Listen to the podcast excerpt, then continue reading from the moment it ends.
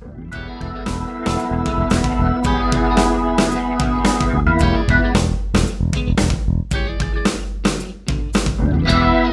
smart people, kembali lagi dalam podcast episode 2 Ngobrol di Lip bareng Center for Digital Society atau CFDS UGM. Dan hari ini kita akan membahas satu tema yang cukup clickbait, satu tema yang bisa membuat kita terus mendengarkan tanpa berpaling dan cukup fokus.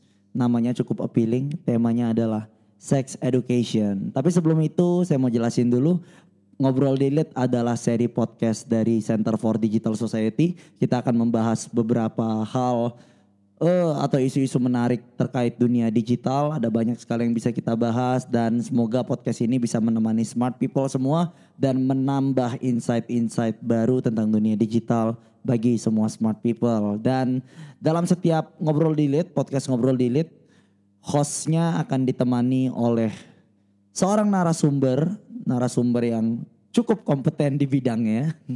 Biasanya dari tim CFDS sendiri atau bisa juga praktisi-praktisi yang sudah berpengalaman untuk memberikan kita insight-insight baru. Dan hari ini karena temanya sex education dan dia juga sudah cukup banyak berpengalaman. Maksudnya berpengalaman menulis di bidang ini. Kita sambut narasumber kita seorang researcher dari CFDS yang hits banget divisi Pol UGM. Sepertinya banyak orang sudah tahu. Sampai angkatan 2022 juga udah kenal sama Mas yang ini.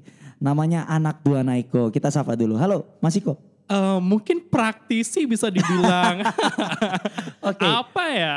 Praktisi literasi ya. ya Jadi bukan praktisi literasi sex education di dunia ya, digital. Okay. Tolong smart Secara people, akademis nih. Ya, tolong smart people jangan ada yang ngekat kayak gitu kan. Jadi praktisi sex education di iya. dunia digital, yeah. tapi di dunia education di dunia digitalnya dipotong, itu kan? Oh tidak. Jadi gitu. Sekarang kan bisa editing editing. Oke, okay, ya jadi temanya hari ini adalah sex education. Siapkah Indonesia online sex education? Kalau bisa dibilang Indonesia itu sebetulnya apa ya? Kamu tahu sendiri kan El, kalau misalnya hmm. di Indonesia tuh ngomongin seks itu masih sangat jauh dari education itu sendiri. Oke. Okay. Jadi seks itu sangat tabu dan education suatu hal yang sangat formal. Dan bagaimana suatu hal yang tabu itu bisa dijadikan formal dan itu masih sangat membingungkan kan? Iya ya. Jadi hmm, gimana ya kalau saya secara lebih basic itu biasanya ngomongin hal-hal kayak gini ke orang itu awkward ya. Banget. Mungkin ini kalau misalnya pintu itu dibuka langsung kayak ini orang ngapain sih berdua ngomongin seks Iya dan gitu. kita di dalam satu ruangan gitu ngomongin beginian tapi urgensinya itu sebenarnya ada ya, apalagi sekarang di dunia digital. Coba kita bahas dulu sih. Sex education itu sendiri, kita kan udah sering dengar nih mungkin di sekolah atau di kantor atau di kampus atau kita ketemu di majalah, di buku. Dari dulu kayaknya udah ada sex education. Sebenarnya menurut Mas Iko, sex education itu apa sih? Biar kita lurusin dulu oh, nih. Oh iya iya. Nah, jadi sex education tuh banyak yang persepsinya masih bagaimana cara melakukannya. yeah. Nah, sedangkan menurut saya sendiri itu sex education tuh ada beberapa ada yang preventif dan hmm. itu tuh lebih yang di mana menjaga biar itu tuh tidak terjadi. Okay. Nah, eh, di sini bisa kayak apa ya? Selain penyakit itu juga bisa lebih ke bagaimana agar uh, saat ingin melakukan hubungan hmm. itu dengan cara yang konsensual dan kita tidak memaksa yang yang di mana banyak kasus-kasus gitu kan El. Ya. Yeah. Ya hmm, kayak gitu. Nah okay. terus masuk di dunia online itu sangat-sangat apa ya suatu hal yang bener-bener disupport sama dunia online ini. Yeah. Karena menjadi konten-konten yang itu tuh mungkin bisa dilihat sama beberapa orang. Eh ini kontennya apa sih jorok banget. Nah tapi sebetulnya konten jorok ini yang bukan pornografi ya ini ngomonginnya. Konten jorok yang mungkin masih kita bilang kayak cara menggunakan pengaman dan cara apa ya uh, agar tidak terkena penyakit itu mungkin masih dikira jorok sama banyak masyarakat hmm, gitu.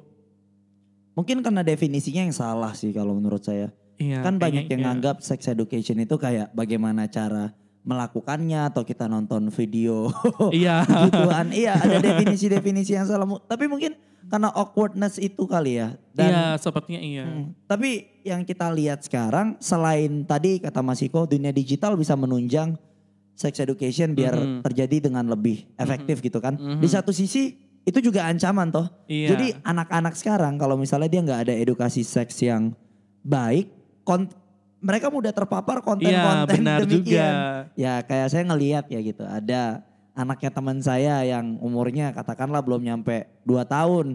Tapi orang tua sekarang biasanya udah ngasih gadget kan. Iya benar Dan banget. Sebagus apa pun parental controlnya, humans learn gitu loh. Iya.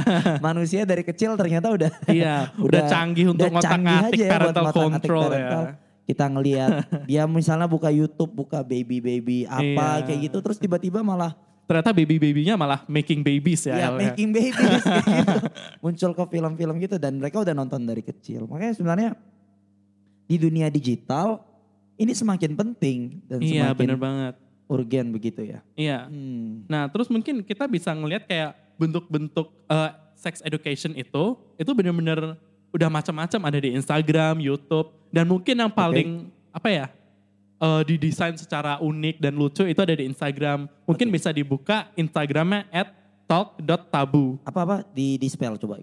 at t a l k dot t a b u. Oke. Itu bisa dilihat nih itu dari sebentar. mana? Luar atau dalam? Ah, dari luar mungkin aku eh, buka Instagramnya dulu ya. Saya memang belum pernah terpapar konten-konten seperti itu sih. Ini tahu saya kenapa, mungkin Instagram algoritmanya menganggap saya udah terdidik. iya mungkin sedangkan algoritma Instagram menganggap saya kurang gitu ya makanya muncul tiba-tiba. Oke, oh. Malah muncul di page kamu ya? Ko, ya? iya makanya itu Oke. kayak tiba-tiba sponsored. Ya, smart people tahu big data tidak pernah bohong ya. iya bener banget big data tidak pernah bohong apalagi tentang kamu yang tidak bisa ah tidak bisa apa ya? ya, oke. Ya, dilanjut lagi balik, balik Oh, iya. apa? At talk.tabu. Iya, at talk.tabu. Nah, di sini kita bisa ngelihat kayak ini bahkan lucu-lucu ini bisa dilihat ya. Mungkin ini kawan-kawan nggak bisa lihat tapi Ya, nanti ini lucu kan ya. kita kan Ada anggapnya mereka sambil ngebuka. Oh iya. Jadi bisa dilihat itu kayak benar-benar feeds-nya diatur dengan warna-warna yang lucu, pastel gitu. Hmm. Dan bahkan menggunakan meme gitu L untuk cara Oke. pendidikannya. Hmm, itu kalau misalnya yang apa ya? Saya bilang approach-nya lebih pop gitu ya. Iya, lebih masuk ke pop iya. culture, masuk Iya. ke millennials yang Iya, udah bener banget. attach sama media sosial. Iya. Kalau yang lebih formal gitu Nah, ada nggak ya? kalau untuk formal mungkin kita bicarain di sex education di dalam kelas. Ah, Oke. Nah, di sini mungkin bisa memakai platform-platform yang udah ada L Mm-mm. tanpa membuat konten-konten yang sebetulnya itu tidak perlu diajarkan kepada anak-anak. Hmm. Misalnya anak SD nih, mungkin di batas anak SD ini eh, edukasi yang disampaikan itu lebih ke kebersihan gitu ya. Oke. Ya, Ya, sedangkan lebih ke itu apa? iya itu apa? itu apa Nah, fungsinya apa? Iya benar. Itu bukan cuma buat buang air kecil doang iya, gitu ya. nah kayak gitu. Nah, Hmm. semakin ke SD, SMP, SMA itu harus tingkatnya juga semakin naik. Hmm. Nah, kalau menurutku sendiri banyak banget eh, apa ya adanya kayak pemerkosaan dan lain-lainnya itu karena si pelaku tidak bisa Menahan. menjaga Oke. kepemilikannya diri sendiri. Nah, Dan Ah. itu menurut saya juga kekurangan gak dari sex education ini di Indonesia. Oke, jadi tadi sifatnya progresif gitu ya kok. Jadi Iya. SD dia dikasih materi apa. Nah, ini yang biasanya sanggahan-sanggahan yang agak nggak masuk akal. Wah, masa anak SD kita didik tentang Iya. bagaimana cara berhubungan? Enggak, sex education itu jadi pas SD ada bagiannya sendiri Iya. dan itu penting buat perkembangan dia juga. Iya benar banget, harus Soalnya ada kalau- tingkatannya. Iya, kalau kita tidak didik secara benar, nanti nanti mereka akan belajar sendiri. Iya, Takutnya dengan cara yang tidak benar. iya. Kalau belajar sendiri kan udah tadi gara-gara internet bisa akses semuanya kan El. Oke, Nah jangan sampai belajar sendiri dan malah salah belajar. oke. By the way tadi kan katanya di luar negeri itu di mana aja ya? Eh mungkin kalau misalnya kita ngomongin sex education luar negeri itu yang masih paling kuat di US karena Hmm. itu benar-benar diverse Oke. dan itu benar-benar apa ya eh tabuness tuh sudah mulai jarang ada. Mm, tentang topik ini ya. Iya, sedangkan di negara-negara yang cultural belief-nya masih kuat seperti di Asia, itu benar-benar bisa dilihat kalau misalnya kita menganggap hal-hal itu masih tabu, hal-hal yang eh, berhubungan dengan kasur itu sangat tabu. Oke, jadi kalau di US sudah masuk formal education gitu. Udah, Wow. bahkan di Australia juga udah masuk karena tingkat STD di Australia itu lumayan tinggi. Itu kamu nggak mau daftar jadi gurunya gitu? Eh, sepertinya tidak. Oke oke. Di Australia juga udah ya. Hmm, Iya. Mereka pakai memanfaatkan apa ya? Platform digital gitu nggak? Em, mungkin untuk apa ya pembuatannya lebih buat animasi gitu sih El. Hmm, Jadi oke. tidak dengan cara pengajaran mulut ke mulut tapi dari animasi ke studentsnya langsung. Hmm. Jadi bentuknya lebih digitalized dan animated gitu lah. Animated. Dan online juga mungkin. Iya mungkin bi- mereka juga share di Ya materinya udah ada ya. iya. Hmm, Oke. Nah biayanya kalau misalnya kayak gitu, ya sama aja deh ya. kayak. Iya, tapi aku kurang tahu juga sih Indonesia sebetulnya membiayai sex education nggak sih El di untuk anak SD, SMP, SMA I gitu? think maybe lebih ke apa ya campaign-campaign dari sih. NGO atau Oh iya, beberapa bener lembaga-lembaga yang di bawah Iya. kementerian gitu. Iya. Tapi itu belum masuk ke pendidikan sih. Bener. Terus pas saya SD itu SD, SMP, SMA kayaknya sex education cara membersihkan tuh dimasukin di pendidikan jasmani dan olahraga itu nggak sih? Oh, iya, itu Iya harusnya kita kan? olah. eh, saya nggak di pendidikan jasmani dan olahraga sih. Itu waktu itu memang ada sesi sendiri. Oh iya. Iya, jadi kebetulan ada salah satu orang tua murid Wah, yang udah dia keren dokter tuh. di bagian Wah. andrologi dan dia Oh, ngasih Oke. penyuluhan di bidang itu. Oke. Tapi masih saja itu belum suatu kewajiban. Aha. Jadi kayak additional lah kalau Aha. gurunya aware. Masih ya harus udah. yang aware Hmm, dulu ya. Nah, Betul. menurut saya sendiri ya, sejak ada dunia digital ini, awareness tentang sex education tuh benar-benar meningkat, El. Hmm. Nah, Oke. Ini nih benar-benar ke apa ya? Orang-orang tuh tahu kalau misalnya karena tidak ada sex education ini, eh orang-orang tuh bakal tidak bisa menjaga kebersihan kemaluannya sendiri. Terus habis itu penyakit tiba- tiba-tiba datang. Terus mereka nggak tahu harus ke mana kalau misalnya mereka kena penyakit, El. Oke. Dan ini bahaya banget sedangkan sudah ada beberapa NGO ini yang itu tuh mereka udah support clinics yang di mana itu memberi pengobatan STD yang itu bisa dianggap lebih murah daripada mengobati diri sendiri di rumah sakit langsung. Hmm. Nah jadi daripada kalian pas udah kena penyakit itu tiba-tiba kalian bingung mau ngapain dan malah merambah ke mana-mana mendingan langsung bisa search di internet di mana eh, klinik yang paling dekat. Oke, di Indonesia udah ada. Udah ada di Jogja bahkan udah ada. Iya. Nah itu awareness kita itu belum nyampe situ karena apa ya tabunes ini yang harus kita definisikan ulang sebenarnya Iya, betul bener saya banget. setuju masih ada norma-norma yang harus kita jaga Iya. tapi ada di satu sisi juga hal-hal seperti ini kalau tidak dibicarakan dengan baik dan benar jadinya kacau gitu kan malah Iya, kita bener tidak aware dan Iya. bayangkan ketika dia punya STD Iya. dia malu untuk membicarakannya ke orang karena takut Iya, dianggap tabu nanti malah udah cukup kronis terlambat gitu Iya. dan tentu saja lebih baik mencegah daripada mengobati Iya, makanya bener banget. urgensinya cukup ada Iya. gitu Nah, terus bahkan ya El, Hmm. kadang kita tuh malu loh untuk beli pengaman di toko-toko gitu. oke Jadi kadang kita bisa make Tokopedia atau bahkan Bukalapak dan blibli.com untuk membeli pengaman tersebut. iya Dan Hmm, nah itu juga maksudnya itu kayak di film dua garis biru ya oh iya, yang baru aku belum viral nonton itu. nih. Oh kamu belum nonton Belum. ya? Ya ampun kerja terus sih. Iya maksudnya hmm, pengaman dan seperti itu ada satu adegan itu saya ingat ini spoiler by the way tapi nggak apa-apa bukan kayak endgame gitu juga filmnya. Dari trailernya kalian juga udah bisa tahu dua garis biru itu lagi Iya. apa. Kayak yang dia sampai belinya pakai Gojek Oh, atau terus dia diam-diam dia baru ngeliat terus kayak Mhm. orang-orang sekitar juga udah ngeliatin Aha. tentang yang seperti itu. Kita bukan embrace tentang free sex dan segala macam Iya. ya. Tapi maksudnya dalam konteks pernikahan pun barang-barang yang seperti itu kan Aha. memang apa sih istilahnya? Memang diperlukan kadang dalam dalam ketika berhubungan. Tapi banyak anak-anak juga yang belinya malu tapi mereka malu tanpa tahu sebenarnya itu fungsinya buat apa. Iya, iya. Terus di terakhir itu ada scene yang saya ingat banget. Ternyata anak yang membeli barang-barang pengaman seperti itu, Mhm. barang-barang yang related sama seks itu, dia juga bilang ke dokternya, ini spoiler banget sih by the way.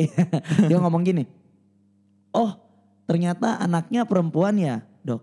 Saya pikir karena dua garisnya biru itu laki-laki, kalau dua garisnya pink itu perempuan gitu. Berarti aku nangkep di sini walaupun aku belum nonton, ini kayaknya menggambarkan situasi Indonesia yang di mana sex education itu masih rendah gitu ya. Ya rendah dan si cowoknya itu menghamili teman Aha. pacarnya. Tapi di satu sisi edukasi dia tentang seks ya sebatas itu. Oh, Oke. tak pikir kalau garisnya biru cowok, kalau garisnya pink itu cewek. Tapi dia sudah bisa menghamili pacarnya begitu Iya. loh.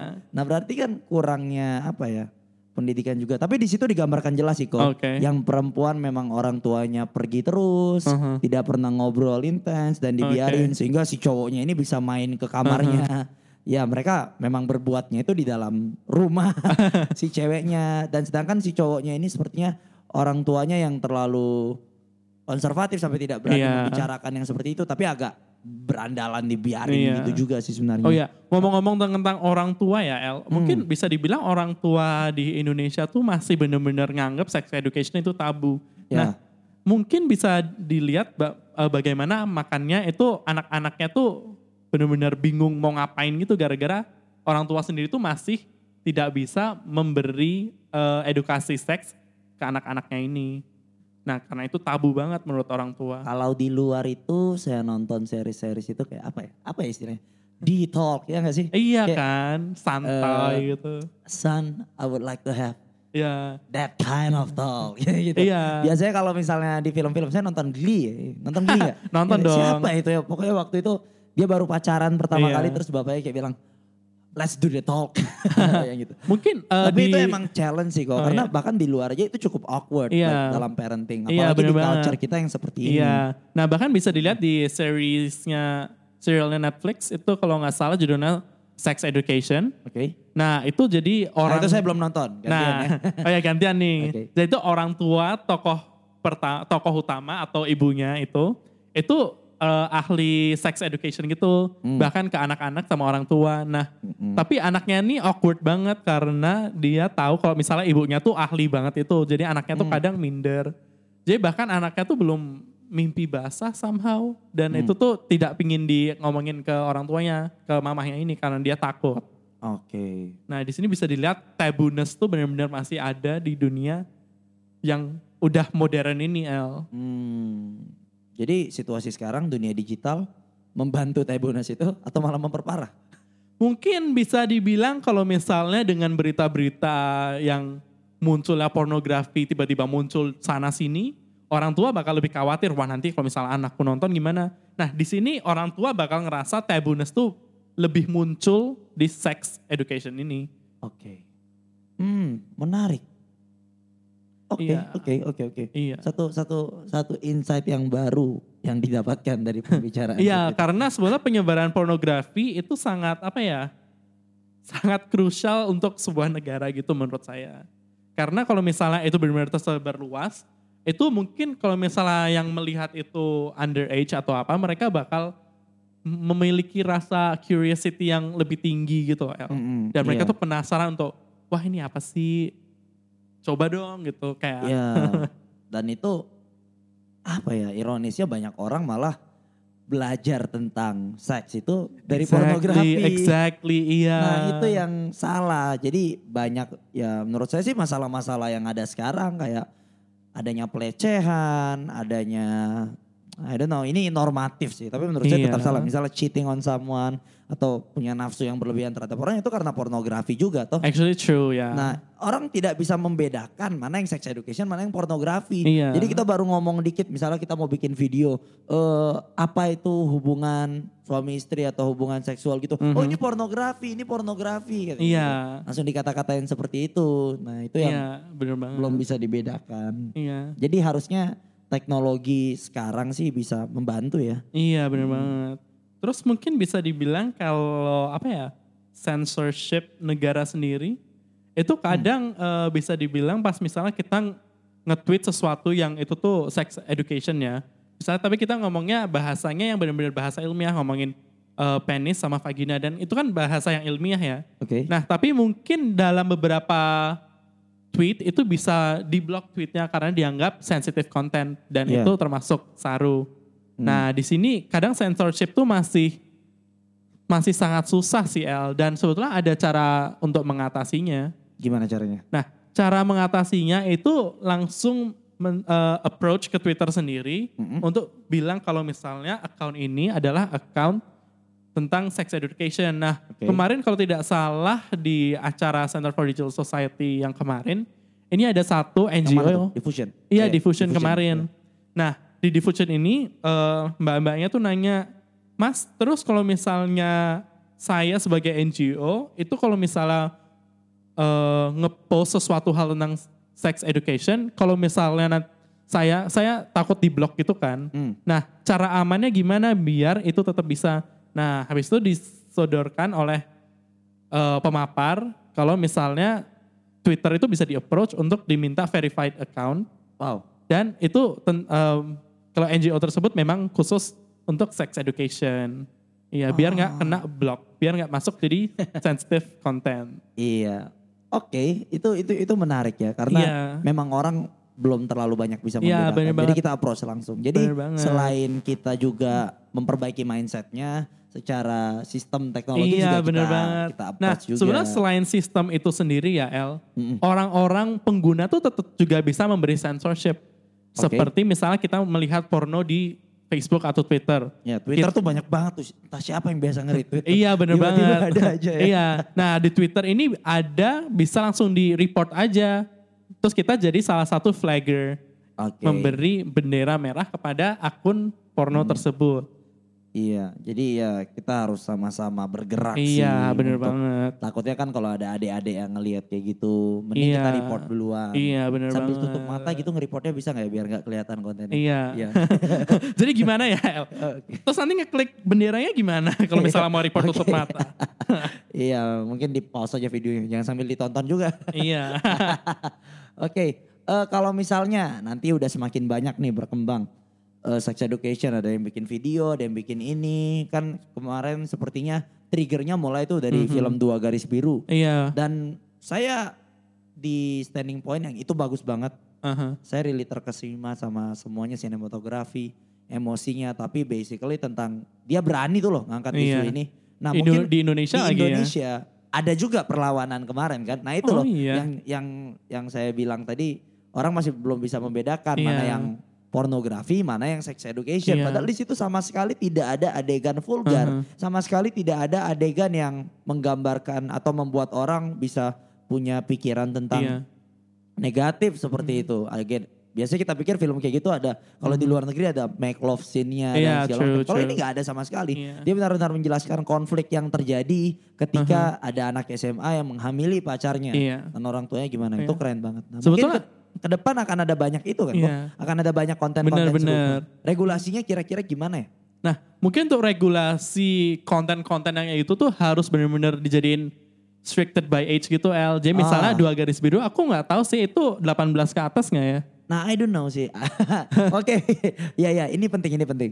Jujur, saya saya merasa sudah cukup ya, layak untuk Anda menonton sudah, semua film. Anda sudah punya gelar. Oh iya, iya. Oh iya. Anda Iya. juga ya? Iya dong. Oke. Eh, oh iya. Nah kadang di Indonesia tuh masih sangat tidak age sensitive yang di mana eh, misalnya kita mau nonton film Dua Garis Biru nih, itu kan udah ceritanya mungkin bisa dibilang untuk anak SMP SMA ya. Mm-mm. Nah temenku cerita kalau misalnya itu di dalam teaternya itu ada anak-anak. Ya. Terus anak-anaknya ngomong gini dong, Mah kok gak jadi nonton Lion King? Waduh. Oke oke. Oh iya itu menarik. Teman saya juga ada nonton. Karena saya Aha. waktu itu langsung posting di story dan Twitter Mhm. kayak, oh man, this is so great gitu. Ada satu, saya saya anak media gitu di Aha. jurusan saya. Dan saya tahu ada satu scene yang membuatnya itu sangat susah. Karena Aha. itu cuma satu kamera dan emosinya semua terlibat. Wih kalian harus nonton sendiri. Dan ada teman saya yang punya anak, dia nanya kayak gini. Aku mau nonton nih dua garis biru. Mhm. Terus dia bilang gimana ya ajak anak-anak. Dan saya langsung pikir, walaupun filmnya bagus, itu Aha. tentang sex education. Aha. Tapi anak dia itu kira-kira masih umur, I don't know SD kelas 4, terus yang Aha. satu lagi itu Aha. SD kelas 2 gitu. Aha. Sepertinya mereka belum siap untuk ngelihat Iya bener banget. kesakitan emosi, Iya. ke, ke berantemnya keluarga. Iya dan bener banget. Karena kalau misalnya sex education itu di- ditaruh di umur yang salah, anak ini bisa trauma dan Ah. traumati- traumatized because of not uh, gara-gara hamil tiba-tiba itu sebenarnya sesuatu hal yang sangat bahaya sih. Iya, jadi masih level yang siap mereka terima itu masih di membersihkan. Iya, dan bagaimana ini cara apa. membersihkan. Tapi mereka udah terpapar di konten bisa hamil. iya. Oke. Dan terpapar oleh dua garis biru itu apa? Nah iya, nah itu ya sayangnya sih. Mungkin bioskop-bioskop di Indonesia bisa lebih memperketat Iya, bener itu ya. banget. Mbak-mbaknya Iya. mungkin bisa menjaga ini kenapa dibawa anak-anak Iya. ke dalam. Ya emang sih. Sepertinya kalau di luar negeri itu rating umur itu Iya penting dipapar banget. jelas iya. gitu ya. Dan bahkan pas film. di Singapura itu saya mau nonton apa ya? Itu ratingnya eh, 21 plus kalau nggak salah. Oh, mukamu itu muda ya gue. Iya, sebenarnya muka saya terlalu muda terus aku harus nunjukin ID gitu. Ah, terus agak deh. Ya itu sih. Oke oke oke oke. Menarik menarik menarik menarik. Jarang ya kita nonton film kita ngecek rating dulu. Iya, exactly. Itu harus dilihat dulu. Hmm. Range umurnya berapa. Kalau misalnya eh, emang kalian masih muda dan belum bisa nonton, ya udahlah, ntar Oke. dulu. Nontonnya kalau misalnya udah, udah cukup umur, cari bajakannya. Enggak deh. Saya jadi ingat itu loh komik Shinchan. Oh iya. Kan ada tulisannya kan untuk Iya bener berapa? banget. 13 atau 15? Iya bener banget. Nah Walaupun saya censorship. bacanya umur 9 tahun juga. iya bahkan di dulu pas aku kecil di RCTI itu pagi-pagi gak sih Ya, hari Minggu. Pagi-pagi gitu. Nah itu udah kayak gitu sih. Tapi kayaknya juga sensor juga sih di RCTI kalau Hmm. nggak salah. Nah ini censorship penting banget sih di Indonesia biar itu tuh targetnya tuh nggak salah gitu El. Oke targetnya. Tapi kalau di online gitu, misalnya kayak di YouTube, gimana ya? Nah, nah kalau tidak salah YouTube itu juga punya sistem parental control yang di mana anak tuh harus pakai akunnya orang tua Oke. dan itu bisa di restrict eh, umur berapa itu lagi nonton apa. Oke oke, saya saya juga pernah gitu. Misalnya kita nggak sign in nih, Aha. kita lagi jadi guest gitu kan. Eh Kita- bener kita banget iya terus. itu. Kita kan nggak tahu, video kan ngeplay terus tuh. Iya. Video ngeplay terus. Bukan saya nyari ya, video kan ngeplay terus. Oh gitu El jadi. Oh, iya.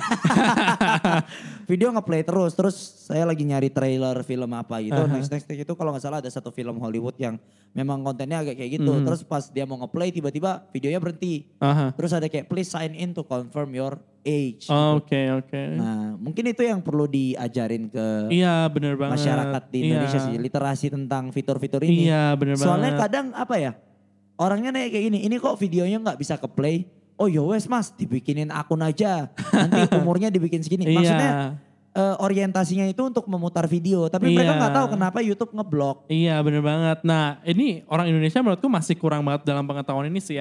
Hmm. Kayak mereka masih susah untuk menahan dirinya, menahan hasrat untuk tidak Oke, men apa ya menonton gitu loh. iya iya iya.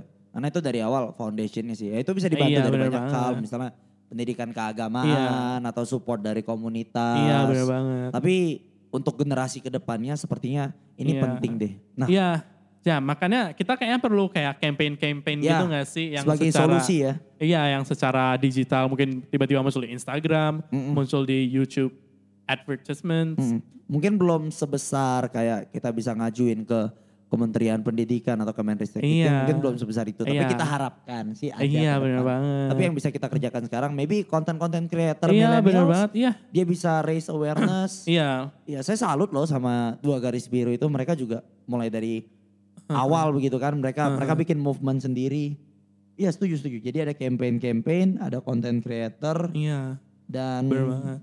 Ya itu sih buat raise awareness dulu sih. Iya, menurutku Indonesia perlu di situ dulu deh. Urgen banget ya. Iya, awareness untuk sex education sebetulnya tidak tabu dan itu dapat menyelamatkan jiwa-jiwa. Menyelamatkan jiwa-jiwa. Iya. Oke siap. Iya, Mungkin deh. Mas Iko mau itu sih. Mau membuat campaign, merumuskan campaign kayak gitu ya. Bikin NGO kali ya. El. Oh ya bikin NGO, Iya. ya bisa di itu ya. ya Iya, kita kumpulin modal dulu mungkin Iya. ya. Mungkin ada smart people yang mau investasi. Iya boleh investasi. Ada nomor rekening di bawah. Iya nomor rekening akan disebutkan di akhir. Mungkin bisa follow Instagram saya at anak dua neko langsung masuk DM aja. Oke, Instagram saya juga @noelsilalahi. Kalau misalnya tidak ada dalam jangka waktu dua minggu, kita akan bikin akun kita bisa gitu ya. Iya. Eh, untuk cause-nya ini ya El, mendidik edukasi seks ke masyarakat Indonesia yang masih Iya. sangat kurang Iya, jadi itu jadi ironi ya. Kita mendidik pendidikan, Iya bener banget. mendidik tentang pendidikan. ya itu masalah yang kita hadapi. Dan satu lagi sih yang pastinya, Apa kita nih ya? perlu untuk tetap in touch sama lembaga-lembaga yang aware sama isu-isu seperti ini. Contohnya Iya. isu digital. Saya Iya. tahu ada satu lembaga di Visipol UGM itu yang dia sering ngebahas tentang isu-isu digital. Waduh, apa Kalau nggak salah namanya apa ya? CCCC. C, c, c, c, c, c, c, oh ini Center for Digital Oh Society iya El. ya ampun. Itu gimana cara kerja di sana? Agak banyak banget yang pengen kerja di sini El. oh iya iya. Di sini. iya iya iya. Sebenarnya kami cuma pengen promosi aja smart people. Iya. Jadi ya itu sih. Kalau smart people aware dengan hal-hal seperti ini, tidak ada salahnya. Iya, Bahkan benar kami encourage untuk follow iya. Instagramnya at CFDS underscore UGM. Kan kita nggak tahu mungkin Iya. ada Emang sih ini dipromosiin dari Instagram. Mungkin ada Iya. kalian yang autoplay Spotify kayak gitu. Terus Iya. nemu podcast ini terus masih ngedengerin sampai sekarang. Jangan lupa buat cek Instagram kami Mhm. Iya. juga. Dan jangan juga jangan lupa juga buka website CFDS. Ada apa tuh isinya? Nah, di website CFDS tuh isinya ada eh, artikel-artikel dan bahkan ada eh, case study dan Digitimes yang bisa di-download. Nah, ini hasil-hasil riset. Bahkan eh, artikel saya sendiri ini juga ada yang ngomongin tentang eh, sex education, ada yang ngomongin tentang gender, sexuality. Nah, bisa dilihat bahkan artikel terakhir saya ngomongin dark web dan narkoba. Oke keren-keren ya isunya. Iya, Hmm, jadi ada Isunya- banyak topik yang bisa digali Iya. di websitenya. Langsung aja buka websitenya apa? CFDS. chefdes.visipol.ugm.ac.id Atau ada short linknya ugm.id ya, ugm.id Iya, slash digital society. Society. Tuh langsung masuk aja. Atau buka Instagram aja deh, follow terus langsung Iya, di Instagram itu keren banget jadi kayak tanpa kita masuk website itu bisa lihat ada isu terkini apa Ya. sih sangat updated kalau nggak salah sehari bisa up- upload sekali gitu ya El Iya, iya, iya, iya, bisa. Sehari minimal satu posting. oh Ya, nice dibuka aja Instagram CFDS-nya. Oke, eh, thank you banget buat talk hari ini. Sungguh insightful. Bahkan saya aja belajar banyak gitu loh. Memang ini cocok disebut sebagai praktisi online sex education. ya. Pengamat gitu ya. iya pengamat seks Education. oh iya Harus lengkap. oh iya kalau tidak lengkap nanti jadi pengamat seks dan praktisi Oke. Ya kita semua akan praktisi pada waktunya. pada waktunya yang waktu yang tepat atau mungkin sudah praktek Nah. mungkin sekian itu ya El privat ya udah sekian kita harus cut di sini saja. Ya Iya. smart people. Jadi sebenarnya target kami tadi mungkin podcast ini cuma 10 sampai 15 menit tapi ternyata kita sudah lebih dari 27 oh ya menit Iko tapi I think it's a fun talk. oke great obviously. ya. Dan thank you banget sudah mendengarkan sampai sini smart people. Nantikan juga episode-episode berikutnya dari Ngobrol di Lit Podcast Center for Digital Society UGM dan semoga ini bisa berguna, bisa memberikan insight dan bisa memberikan pencerahan atau bisa Iya, benar membuat banget. smart people tertarik untuk melakukan sesuatu yang lebih baik lagi. Oke, selamat apa ya? Selamat Ini pagi ya. eh, selamat tinggal. Ya, selamat pagi, selamat siang, selamat sore. Sore, Jadi, selamat malam. di- selamat di waktu yang Anda dengerin selamat ini. di waktu yang Anda kapan? dengerin. Digital kayak gitu Iya. kan. Saya pikir ini radio. Timeless. Timeless, oke. Sampai jumpa di episode berikutnya. Berikutnya. Smart people. Bye.